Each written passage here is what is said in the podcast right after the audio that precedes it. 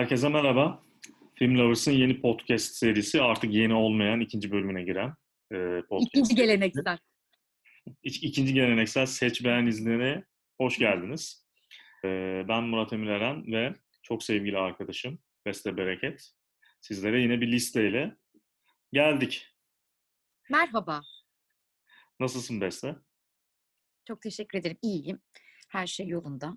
Bu arada biraz eve kapattım kendimi. Neden bilmiyorum. Biraz ee, öyle takılıyorum. Evdeyim. Niye acaba? Çok sürpriz bir gelişme bu. Depresif bir durum var herhalde. Yani bilmiyorum. Sokaklar beni çağırıyor ama çıkmıyorum. Öyle düşün. Çok iyi yapıyorsun. ee, bu çıkmadığımız günlerde de oturup işte sizler için listeler Saçımızı süpürge ediyoruz falan. Evet, saçımızı süpürge ediyoruz. Kah e, sakalımızı yer bezi ediyoruz. Ve bu vesileyle size yine bir liste hazırlamış bulunuyoruz. E, bir önceki programda, ilk programımızda vampirlerle ilgili e, biraz daha bu, bu mite başka bir yerinden yaklaşan filmleri sıralamıştık. Biz en iyiler gibi bir iddiaya yapmıyoruz bu listeleri bu arada. Bunu söyleyelim. Daha çok bahsettiğimiz tema ve baş, bahsettiğimiz başlık altında bu filmleri de izleseniz ne kadar güzel olur değil mi gibi bir yerden yaklaşarak bu listeleri hazırlıyoruz. Bugün... Kriterlerimiz paşa gönül kriterleri. Evet, kriterlerimiz Beste ve benim paşa gönlü gibi ilerliyor gerçekten de. Biraz da tabii temaya uygun olsun diye de uğraşıyoruz. Çok alakasız bir şey e, duymayacaksınız diye düşünüyorum. Peki bugünkü listemiz nedir acaba Sayın Beste Bereket? Bugünkü listemiz kadın oyuncuların performanslarıyla öne çıkan 10 film. Başlığı altındaki filmlerimiz. Aynen öyle. E, liste herhalde kendini bu kadar iyi ifade edebilen bir e, liste ismi olamazdı diye düşündüğüm için. Katılıyorum. Hiç e, listede nasıl filmlere yer vereceğimizi açıklama gereği duymuyorum. E, bir numaramızda, yani bir numara derken yani ilk filmimiz Michael Haneke'nin 2001 yapımı La Pianist filmi.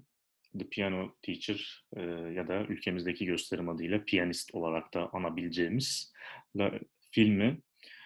E, Mikael Haneke'nin çok sert filmlerinden bir tanesi yine. Çok böyle huzursuz edici. Gerek atmosferiyle, gerek anlattıklarıyla, gerek işte ana karakterlerine yaklaşımıyla yine huzurumuzu kaçırdığı filmlerinden bir tanesi. Ve filmin tabii ki en büyük alamet farikalarından biri bu sefer e, yönetmeni değil. E, filmin en büyük alamet farikası başrol oyuncusu Isabel Huppert.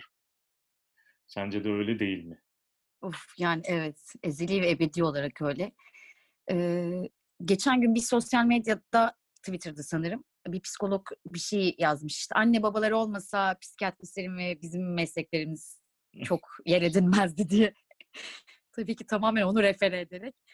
Ee, zaten performansı çok iyi de tabii ki olan bütün tuhaf şeylerin kökeninde bu anne ve çocuk arasındaki ilişkinin ah, o dinamikleri e, her şeyin akışını değiştiriyor ya bence.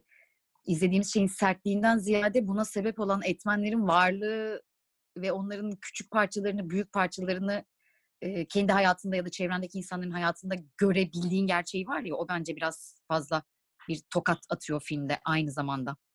Çok evet, derine evet. Filmde Isabel Huppert, Erika Kohu adlı bir piyano öğretmenini canlandırıyor. Daha doğrusu piyano öğretmeni demeyelim de bir akademisyen kendisi.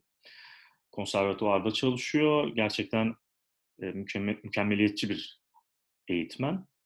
Fakat aynı zamanda e, sadistik eğilimleri olan bir karakter bu. Bilhassa e, cinsel yaşamında ve aşk hayatında e, sadistik bağlanma diyebileceğimiz bir yolla e, öğrencilerinden birine bağlanıyor. Önce tabii ki yeteneğine hayran olduğunu anlıyoruz. Sonrasında kendisine de hayran olduğunu ve garip bir şekilde kopamadığı e, bir tutkuya dönüşüyor bu öğrencisiyle olan ilişkisi. Isabel Huppert yani bu bu durumun içindeki o işte çıkışsızlığını, o çaresizliğini ve giderek onu daha da böyle deliliğe doğru götüren ruh halini inanılmaz bir şekilde canlandırıyor. Yani çok, zor bir karakter öne ve çok direkt anlatıyor bunu. Evet. Evet. Yani of ne kadar zor bir şey. O, onu... Sadece sırtıyla oynadığı bir sahne var. Evet. Yani uzun Ve, uzun ve anlıyorsun yani hissediyorsun. Evet. İşte bu çok güçlü bir şey gerçekten. Çok çok çok güçlü bir aktris yani. E, oynadığı şeyi nasıl hazırlandığına falan girmek istemiyorum. Gerçekten tedirgin oluyorum biraz. Hı hı. Ee, ama bu gerçekten çok büyük bir hediye yani. Ee, inandığı şey de öyle. Aslında filmin gerçekten dokunduğu yer çok acayip bir yer. Yani annesiyle ilişkisi ve aslında o şiddet içeren bir ilişki ya bir yandan. Hı hı hı. Yani o onun bir tırnak içinde bir zevk alma kaynağına dönüşmüş olması zaten bizi bu sorgulamaya iten şey. Bu filmi e, çok daha bence kıymetli yapan bir şey. insan ilişkileri açısından yani faydacılık açısından daha doğrusu sadece sanatsal açıdan değil. E, ama tabii ki bu demek değil ki annesi onu dövdüğü için, ay, tokat attığı için ve bu zevki arıyor değil. Hayır tam tersi. Bu bir tutunma ve bir kabul görme alanı. Ve başka da herhalde bir yol Evet filmin bilmediği için yani. Yani filmin zaten önemli özelliklerinden bir tanesi karakterini bu noktada yani zevkleriyle ve e, cinsel arzularıyla yargılamıyor olması bence. Evet. Yani onunla yargılamıyor. Daha başka bir yerden karakterine acımasızca davranıyor. Onu çok, onu en çaresiz anlarında ve en gerçekten verdiği en korkunç kararlarda hep orada olarak, en savunmasız anlarında hep orada olarak ve yani Isabelle Huppert'in performansına inanılmaz bir şekilde sırtını yaslayarak yapıyor bunu. Müthiş bir performans. Gerçekten benim için hatta böyle yani sinema tarihinin e, karşılaştığım en acayip performanslarından biri. E, filmle ilgili bir ufak trivia verip bu faslı kapatabiliriz. Çünkü Isabelle Huppert övmeye, yani bütün programı övebiliriz Isabelle Huppert'i. Ya Call My Agent dizisinde de oynuyor ya. Çok tatlı. o kadar tatlı ki bir yandan da. Evet evet bir de yani çok çok yetenekli bir e, oyuncu olmasının dışında da çok tatlı bir insan gerçekten. Evet, kendiyle dalga geçebilmenin dibine vurmuş yani o dizide. Neyse. Müthiş. E, biz buradan Isabel Huppert marşı okuyarak sokaklara dökülmeden e, şu trivia şeyi söyleyeyim. Dövme yaptıracağım alnım. Final sahnesi malum işte o e, ah. çok ünlü final sahnesi. 52 kere çekilmiş beste. 52 kere mi? Evet. Yani 52 kere derken anladım. yani 52 denemede çekilmiş. Anladım, bayağı, anladım. Bayağı zorlamışlar. Evet, bayağı. İzabel birimizi. Fakat sonuç için aynı şeyi söyleyemeyeceğim yani sonuç gerçekten müthiş, muazzam. Değmiş diyorsun. Artık o, o 52 denemede çektiyse biz herhalde 4 milyon denemede falan çeker diye düşünüyorum. Kompleks yapmak gibi olmasın ama. Diyor Olmalı. ve buradan e, daha yakın zamandan bir filme. 2016'dan evet, Bence 2016 yılının Cannes Film Festivali ve bence son 20 yılın e, en iyi filmden, filmlerinden birine geçiyoruz. Tony Erdmann'a, Maren Aden'in filmi. Evet. Ve bu filmdeki müthiş performansıyla Sandra Hülle. Evet. Yaşasın Şimdi, kadın yönetmen ve kadın oyuncular. Evet, kadın yönetmen, kadın oyuncu işbirliği var burada. Ne düşünüyorsun Sandra Hüller'in performansıyla ilgili? Yani e, şöyle ki aslında ben filmin gen yani performansına geçeceğim ama filmin genelindeki yine hepimize dair olan şeyi seviyorum açıkçası. Yani bir baba kız ilişkisi üzerine ay spoiler vermeden yapmaya çalışıyorum bunu. Becereceğim inşallah. Ee, bir baba kız ilişkisi üzerinden aslında hepimizin hayatta küçük ya da büyük yaşadığı böyle bir işte her şeyin çok iyi olmasına ve mükemmel olmasına çaba sarf ederken kaçırdığımız ve beceremediğimiz ve akıp giden de bir hayat var ya bu gerçekten bence dünya sisteminin e, kanayan yarası. Yani hepimiz bunun içine istesek de istemesek de en tırnak içindeki özgür ruhumuz bile girerken ki buna zaten perfeksiyonist olan insanların çok daha fazla tutulduğu ve o ikilemi yaşadığı ve hani o arada sıkışmışlığı kalbinden hissettiğin bir hikaye aslında bu. Ee, o yüzden Sandra Hüller zaten ama filmin bütünü bence çok etkileyici açıkçası. Yani çok iyi bir seçim bu hikayeyi anlatmak için ve çok iyi bir performans. Ee, ve tabii ki aslında bu bu iletişim problemlerinin ve mükemmeliyetçiliğin eleştirildiği bir film bir Alman yapımı olması da tabii. bir, orada çok tatlı bir soru işareti koyuyoruz. Ya da bir ünlem koyuyoruz. Bilmiyorum yani, bununla ilgili ne düşünüyorsun? Yani film bir yandan şeye çok daha büyük bir malzeme veriyor. Babayı canlandıran e, çok kıymetli aktörümüze. Şimdi evet. ismini hatırlayamadığım için kıvırmaya çalışıyorum. Fakat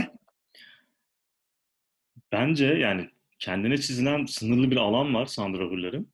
Yani şeyle kıyaslarsak yani başka bir Babayla. alter egosu olan bir karakteri canlandırıyor. Bir yandan işte kenara itilmiş bir baba figürünü oynuyor vesaire. Yani onun alanı çok daha geniş. Gerçekten evet. iş oynuyor bu arada. Yani bir tam bir sahne hayvanı gibi oynuyor. Ama e, Sandra Hüller'in alanı biraz daha dar bir alanın içinde dünyalar yaratıyor yani. O, o karakterin içine bir sürü dünya sığdırıyor. O açıdan da inanılmaz bir performans gibi geliyor bana. Ee, çok seviyorum. Ne, ne söyleyebilirim, ne kadar övebilirim daha fazla bilemiyorum. O nedenle e, izlemeyenler varsa hala Tony Erdman'ı ya da izleyip öyle bir geçenler varsa Sandra Hüller'in inanılmaz yaptığı inanılmaz şeye odaklanarak izleyebilirler bir kez daha diye. Buradan biz de naçizane önermiş olalım dedikten sonra yeni filmimize geçiyoruz. Ee, bu film biraz daha eski bir film evet. ee, ve gerçek bir klasik aslında. Yani evet. gerilim klasiği bence hatta. Ee, Whatever Happened to Baby Jane? Ee, Baby Jane'e ne oldu? Betty Davis burada tabii bizim. Buradaki evet karakterimiz ve e, canlandıran kişi de Betty Davis. Baby Jane'i, yani Baby Jane Hudson daha doğrusu Baby Jane lakabıyla tanınan Jane Hudson canlandırıyor. Betty Davis. E, şöyle bir hikaye var. Çocukken çok ünlü olan fakat büyüdüğünde şöhretini kaybeden e, bir oyuncunun hikayesini anlatıyor. Onun, onun ve ablasının hikayesini anlatıyor. Ablası da büyüdüklerinde iyi bir oyuncu, prestijli bir oyuncuya dönüşüyor. O da Blanche Hudson. Onu da zaten evet. John Crawford canlandırıyor. Bu iki evet. kardeş arasındaki e, rekabeti diyeyim. Yani rekabet evet çok yumuşak ve zarif bir tanımlama oldu gerçekten. Yani ilişkiye evet odaklanıyor. Ve Betty Davis yani olağanüstü bir performans sergiliyor gerçekten yani. Yani bir, müthiş bence de. Filme damga yani gerçekten, performans yani. Of, inanılmaz inanılmaz iyi ve filmdeki her şeyine o karar vermiş. Yani nasıl göründüğüne, ne giyeceğine, saçının, başının her şeyin nasıl olacağını e, sanırım yani edindiğim bilgi bu. Bir de şu güzel tabii ki meselesi güzel görünmekte olmamış. Genelde her ne olursa olsun böyle bir zaaf olabiliyor hı hı. E, oyuncularda. Hepsinde değil ama bir kısmında. Hele bir dönem için özellikle. Hı hı. E, şimdi artık buna biraz daha bir karşı duruş söz konusu ama e, bunu önemsememiş olması bile inanılmaz bir şey. Zaten belli ki hani psikolojisine çok iyi çalışmış. E, rastgele ve böyle sadece içgüdüsel olarak bir oyuncu hayvanlığıyla oynanacak bir şey değil. Planlanmış bir şey. Bence bu önemli. Çünkü tabii bazı yerlerde ufak mantık hataları var mı? Tam şimdi emin olamıyorum. Belki filmin içeriğinde böyle bir şey olabilir. Şu, şu, şu söylediğimi yani bir kenara da koyabiliriz. Ee, ama bu tabii ki hele ki şöhretli insanlardaki şöhrete olmayan insanlarda bile olan bu yalnızlık ne bileyim işte bir şeyde önce bir popülerite elde etmişken bu kendi küçük hayatında arkadaş çevrende de olabilir. Dünya starı da olmuş olabilirsin. Bence aynı yerini besliyor insanın. Bunu kaybetmekle ilgili olasılıklar denizinde ne kadar delirebilirsin? Evet, Kimlere neler yapabilirsin? Yani kardeş, abla kardeş ilişkisi üzerinden anlatıyor bir de.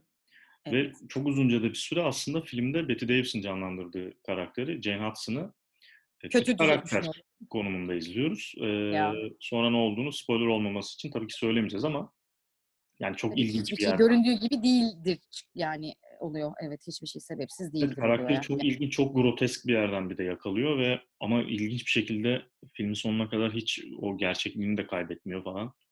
Evet. Yani tam bir böyle yani filmi domine eden bir performans gerçekten ne diyeceğimi bilemediğim böyle karşısında ezim ezim ezildiğim, süklüm püklüm olduğum bir performans sahiden diyor.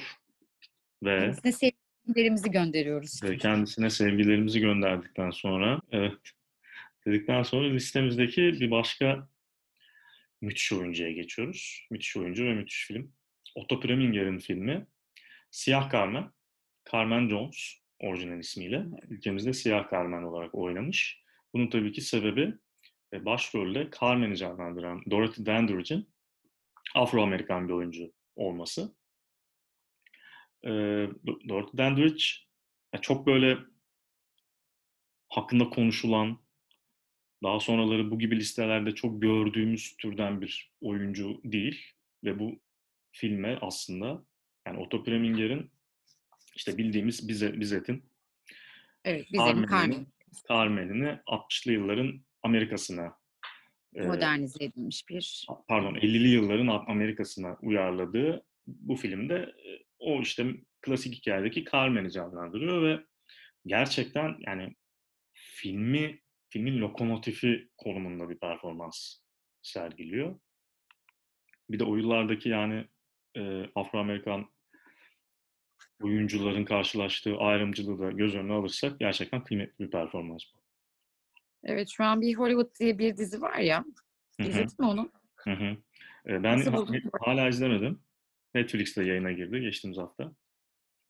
Tamam. Evet. O zaman geçiyorum. Sen o zaman merak et bakalım. Herhalde bir şey söyleyecektin ama. Haftaya konuşuruz. Hollywood'la yani evet bu hani şey yani işte ırkçılıkla ilgili olan birçok şeyden bahsediyor o da zaten. Yani şu anda da bahsedebiliyoruz o yüzden çok bir ileri gittik diyemem bu konuda ama. Yani evet şey e, bu filmle bir Oscar adaylığı alıyor Dorothy Dandridge e, en iyi kadın oyuncu kategorisinde ve bu adaylığı akademinin o, o dönemine kadar ki yani işte herhalde bir 20 yılı aşkın süredir e, ilk kez bir Afro-Amerikan aktrisin, bir siyah oyuncunun bu kategoride aldığı adaylık oluyor.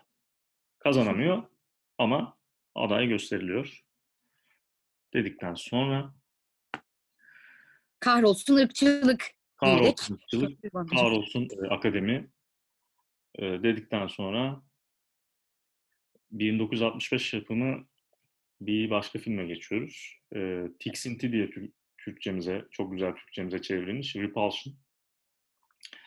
İsmini almak istemediğim, Allah İsmi lazım değil bir yönetmen. Evet, ismi lazım değil bir yönetmenin çektiği e, Repulsion.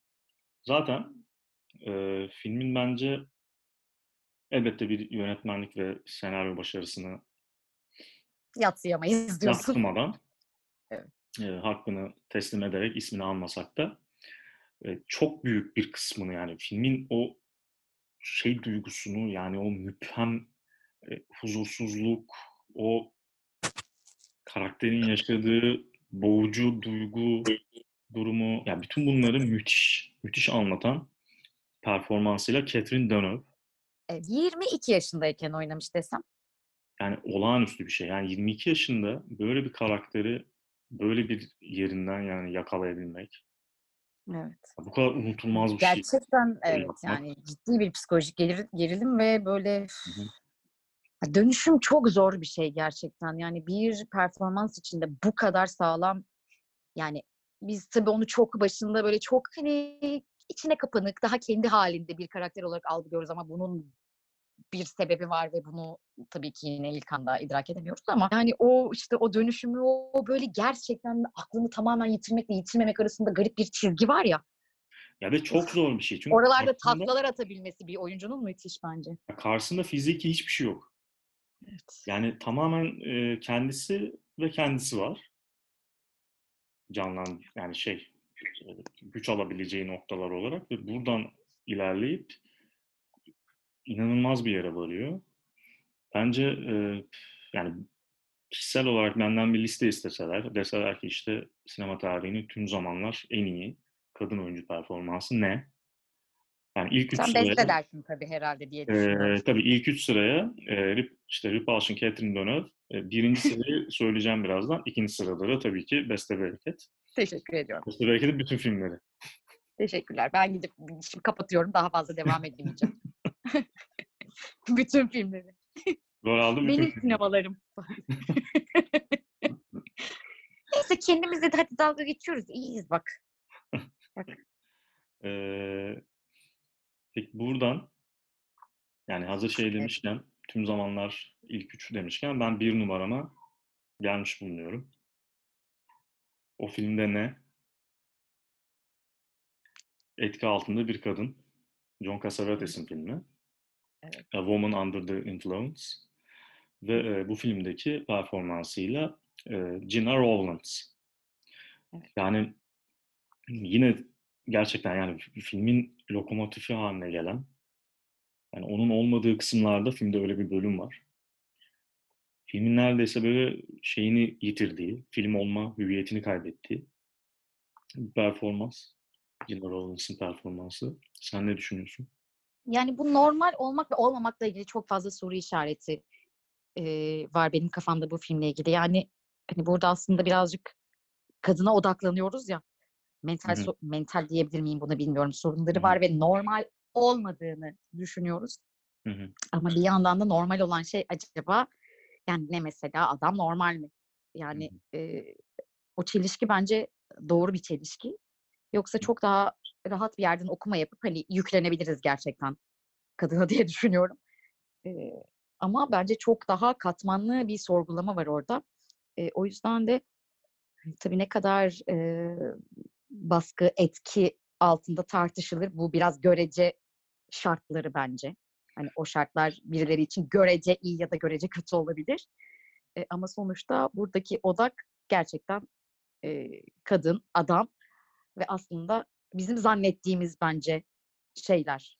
e, normal algıları. Normal Zaten olduğunu zannettiğimiz şeyler. Evet. aynen. Normal normal Bizim algı. zannımız o. Yani normal algımız bizim zannımız bence bu filmi e, okurken bizi yönlendirecek olan şey bu diye düşünüyorum açıkçası. Yani doğru Daha karmaşık anlatmayı düşünüyorum. Birazcık da daha karmaşık ifade edeyim kendime müsaade edersen. Ben de anlamayayım, sen de anlama, kimse anlamayayım. Yo, bence gayet anlaşılır ifade ettiğini düşünüyorum. Yani Ma- Mabel'ın e, burada Gina Rowlands'ın canlandırdığı karakterin aslında çok dışarıdan bakıldığında tırnak içinde normal bir hayatı var. Fakat bu Evet. bu normal aslında o kadar da normal bir şey değil. Ve Mabel'ı, ana karakterimizi başkaları tarafından akıl hastalığı olarak tanımlanabilecek şeyler yaptıran e, bir noktaya getiriyor. Bu normal diye tanımladığımız şey aslında ve e, yani Gina Rowlands yani e, ben filmi bir şekilde böyle şey olmuştu, kısmet olmuştu diyeyim de Atlas sinemasında izlemiştim. Vay ne güzel. İstanbul Film Festivali John Cassavetes toplu gösterimi yaptığında ya inanamadım. Yani bir de çok böyle kısa süreli bir film de değil. Ya bir nefeste bitti ve bir tek sadece gerçekten e, filmde belli bir süre Gina Rowlands yok. Sebebini söylemeyeceğim. Niye olmadığını. Spoiler olmasın diye. Azıcık Yani, kaçırmış falan. yani nerede, niye niye yok? Bir an önce geri gelsin falan diye izliyorsun. Öyle bir performans. Yani gözlerini alamıyorsun ve benim evet işte az önce söylediğim gibi bir tüm zamanlar listesi olsa bir numara. Yani Gina. Bizim bu filmdeki performans. Olağanüstü bir şey yani. Tüm zamanlar listesinde onu tekrar alacağız o zaman. Mecburuz. Ee, ya ikinci sırada zaten Beste Bereket olduğu için or- orası doğru. Ya Allah'ım. Neden bir değil de iki? yani Artık şimdi lafa devam girdiğim için bir, bir numarada başkası var diye girdiğim için çeviremedim Beste yoksa. Ve daha yakın zamandan bir filme geliyoruz. 2019'dan geçtiğimiz yılda bir filme geliyoruz. Bir gerilim filmi. Jordan Peele, Peele mi, Peele mi nasıl telaffuz edildiğini bir türlü hala benim öğrenemediğim ve beceremediğim sevgili yönetmenimizin filmi As, Biz. Evet. Yani e, bir yanıyla böyle çok büyük beklentilerle beklenen bir filmdi. Bir yanıyla işte birbirlerini tatmin etti, tatmin ettikleri oldu. Fakat yani bir ikiye bölünme durumu oldu bu filmle ilgili. Eleştirmenler ve izleyiciler arasında. Fakat herkesin takdir ettiği bir tane bir konu varsa o da filmde e, Lupita Nyong'o'nun oyunculuğu. Evet, Yani- tabii kendisi Yale Üniversitesi dramada okumuş. Yani okumuş insanlar. Evet okumuş bir insan. İşin ilmini okumuş. Öyle düşün. Yani Kaynağından, değil, menbaından öğrenmiş. Menbaından öğrenmiş. Ay, O oynamasın ben mi oynayayım? Yani bilhassa e, filmde şöyle bir durum var. Hepimizin bir doppelganger'ı diyebileceğimiz yani bir ikizi genetik olarak da yani işte kopyası e, olduğunu iddia edebileceğimiz bir grup bir yığın insan, bir grup denmez ona, istila ediyor dünyayı ve bizim yerimize geçiyorlar. Yani yer değiştiriyoruz onlarla. Ama bizim bu versiyonlarımız bir garip. Yani bize fiziken çok benziyorlar ama aslında e, zihnen hiç benzemiyorlar. O ikinci versiyonu canlandırdığı e, yöntem ve o orada bulduğu o ses hiç aklımdan çıkmıyor benim. Bence yani Oscar ödüllerinde de çok saçma bir şekilde görmezden gelindi performansı ve film. Yani ki filmi ben çok beğenmiyorum. Yani Lupita Nyong'omuzun da hakkını e, teslim ettikten sonra Rainer Werner Fassbinder'in 1972 yapımı filmi evet. Petra von Kant'ın Acı Gözyaşlarına geliyoruz. Ee, evet. Yönetmenin kendi oyunundan sinemaya uyarladığı zaten bir tiyatro oyununu da andıran her şeyiyle. Evet. Aynen. Yani bir film. E, bir moda tasarımcısının hikayesini canlandırıyor ve aşık olduğu bir modeli var. Evet. Ama bu aşkın pek işlediği, yürüdüğü söylenemez. Bu aşk e, ana karakterimiz Petra von Kant'a böyle bitimsiz bir acı veriyor. Ve film boyunca zaten hakikaten Petra von Kant'ın acı gözyaşlarına şahitlik ediyoruz. Yani bu ne kadar ilginç olabilir diye düşündüğünüze eminim izlemediyseniz filmi ama yani Margit e, soy ismi Karstensen'e Karstensen. Hani baka kalıyorsunuz. Öyle bir performans. Daha ne yapsın diyorsun, evet. Evet. Sen ne diyorsun? Ee, yani tabii film biraz aslında böyle üç tane kadın arasındaki ilişki hani ilişki diyelim tırnak içinde ama böyle bir gerçekten ciddi bir erk savaşı bence o. Hı hı, hı hı. Ee, erk mücadelesi yani. Ee, ve bu yani hem fiziksel hem duygusal hem cinsel hem hem Mesleki arzu olarak. Vesaire. Evet yani hepsi bir arada gerçekten çok çok daha katmanlı oynanması gereken de bir karakteri oynadığı. Hı hı. Çünkü aralarındaki ilişkiler ayrı birer karakter gibi zaten bence. Hı hı. Birer oyuncu gibi. O yüzden bence gerçekten etkileyici bir performans ve ayrıca sanat yönetimi de hani eminim kostümler falan da bence her şey güzel yani filmde. Yani sadece bir olağanüstü bir film ve çoğu yani neredeyse tamamı e, kapalı mekanda geçen evet, evet. bir filmden bahsediyoruz yani. Tek mekanda karakter hep kameranın önünde. Yani gelip geçenler değişiyor ama Petra von Kant hiç değişmiyor. Yani evet. e, bütün bu oyunu hep doğru bir yerde tutmak, bütün onun ritmini ayarlamak falan yani bilmiyorum yani şimdi senin karşında böyle e, bütün bu bilhassa çok da böyle tiyatroya da fazla yakın sayan böyle bir filmde bir şey söylemek istemiyorum ama bilmiyorum sana nasıl geliyor yani mesela yani buna böyle bir karakteri çıkarmak, bunun işte ritmini oturtmak vesaire çok zor işler olsa gerek. Ya evet bence çok matematik bir şey bu. Hı hı. Yani bu gerçekten şey böyle yetenekle sadece açıklanacak bir şey değilmiş gibi geliyor. Bu bayağı üzerine düşünülen, matematik olarak kurgulanan hı hı. Ve çalışılan bir şey olmalı. Hı hı. E, yani bir şey olmalı mi? Öyle bir performans bence bu. Hı hı. Yani oyuncu ve yönetmenin zaten... birlikte kurdukları bir şeyden bahsediyorsun. Evet, kesinlikle birlikte kurdukları bir şeyden bahsediyorum. Ee, ve herhalde anladığım kadarıyla yönetmenin de oyuncuya gerçekten ciddi anlamda alan açtığı bir ortamdan bahsediyorum. Ee, öyle görünüyor açıkçası. Yani izlerken his olarak öyle görünüyor. Bu, bununla ilgili bir bilgim olduğu için söylemiyorum bunu. Hı hı. Ee, ben bir izleyici olarak izlerken bunu böyle hissediyorum. Ee, o yüzden de bu çok daha fazla bir bir aradalıkla, çok daha fazla bir e, beyin fırtınasıyla ortaya çıkmış bir şey olduğu için hı hı. ve salt yeteneğe ya da salt yönetmenin oyuncu yönetimine de bağlı olmayan bir şey olduğu için çok daha kalabalık ve birlikte bir zihinle ortaya çıktığı için bence bu kadar tatmin edici geliyor bize. Hı hı. E, çünkü bir tarafından bir tarafı eksik olsaydı yine bence biraz daha ortalamaya yakın bir performansla gösterilebilirdi. Evet bir de yani e, ya bu bu olmazsa olmazı film. Eğer orası işlemezse film yani Havada film, kalıyor film zaten. yok. Yani filmi evet, çok, e, kaldırıp çok, atardı bence Rainer, Fassbinder. Ama zaten işte yapabildiği için o da Fassbinder olmuş. Doğru. İnşallah seviniyorlardır ya ondan bahs onlardan bahsettiğimiz için şu an. Yani, Heyecanla dinleyecekler falan yaşayan kısımlar. Buradan kendilerine selam ediyoruz. Dedikten sonra yine e, 70'lerden bir başka film. E, Kanlı Evet. Toprak, e, Badlands, 1973 Badlands. yapımı e, Terrence Malick filmi. Terrence Malick'in işte böyle delirmeden e, kendisini böyle dağa taşa, dine falan vermeden önce ne kadar iyi bir yönetmen olduğunun göstergesi olan filmlerden bir tanesi. Kendi Evet. namıma. E, kendi fikrim olarak bunu söylüyorum. Kimse üstüne alınmasın hayranları.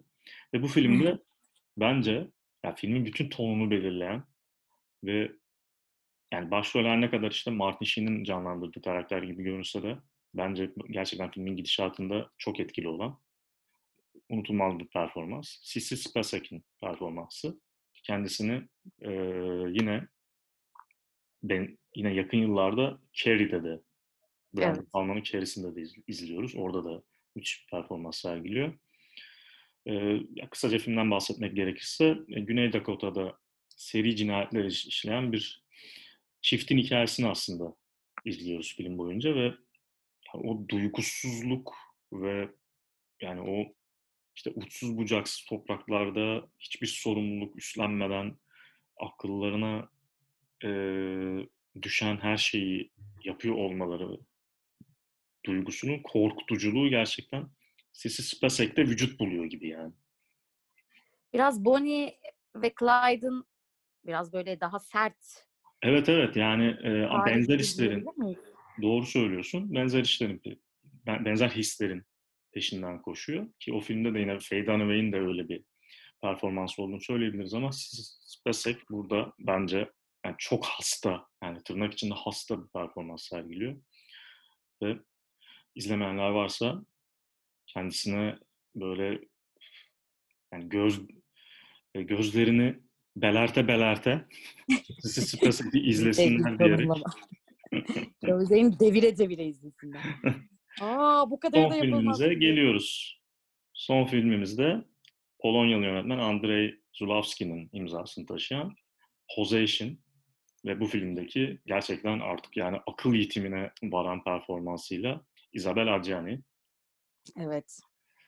Ve aynı zamanda metafor yağmurlarında ıslandığımız bir film diyebilir miyiz kendisine? Yani yani sinema tarihinin en şahsına münasır böyle gerilim filmlerinden bir tanesi. Yani bizim listemiz sona erdi. Dinleyicilerimize veda edelim. Evet. Önümüzdeki programda yeni bir listeyle yine karşınızda olacağız. O vakte kadar hoşça kalın efendim. Hoşçakalın ve evde kalın.